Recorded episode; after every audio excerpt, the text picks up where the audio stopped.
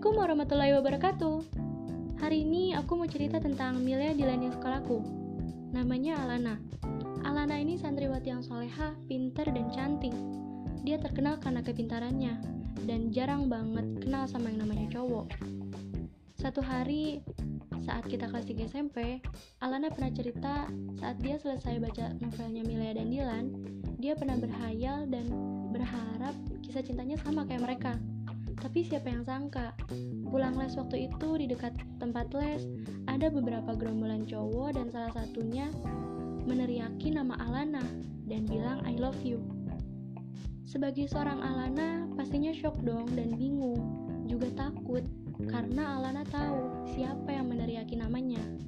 Dia Raihan. Di pondok, siapa yang gak tahu Raihan? Raihan disebut-sebut sebagai Dilan pada umumnya, santri yang tergolong nakal dan memiliki banyak anak buah. Waktu itu Alana benar-benar bingung dan takut, karena setelah hari itu, banyak santri putra yang meneriaki namanya dan menjodoh-jodohkannya dengan Raihan. Agak risih sih. Dan hari di mana Raihan mengirim pesan pada Alana, Alana sampai bingung sendiri apa yang harus dia lakukan. Waktu itu Alana bertanya pada teman dekatnya Indah. Indah berkata pada Alana untuk bersikap baik pada Raihan. Hitung-hitung sebagai jalan dakwah Alana untuk merubah Raihan menjadi lebih baik. Alana pun menyetujuinya dan akhirnya bersikap baik pada Raihan. Dan ia mulai dengan misinya, mengubah Raihan untuk menjadi lebih baik. Raihan mulai membuka dirinya pada Alana.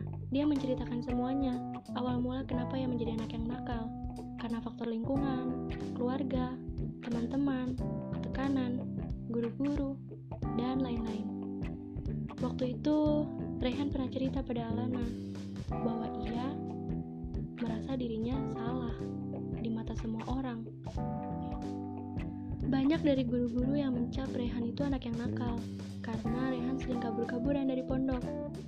Makanya, Rehan menganggap banyak orang yang menyalahkan dirinya, menyudutkan dirinya, dan tidak ada lagi yang percaya pada dirinya. yaitu teman-temannya. thank you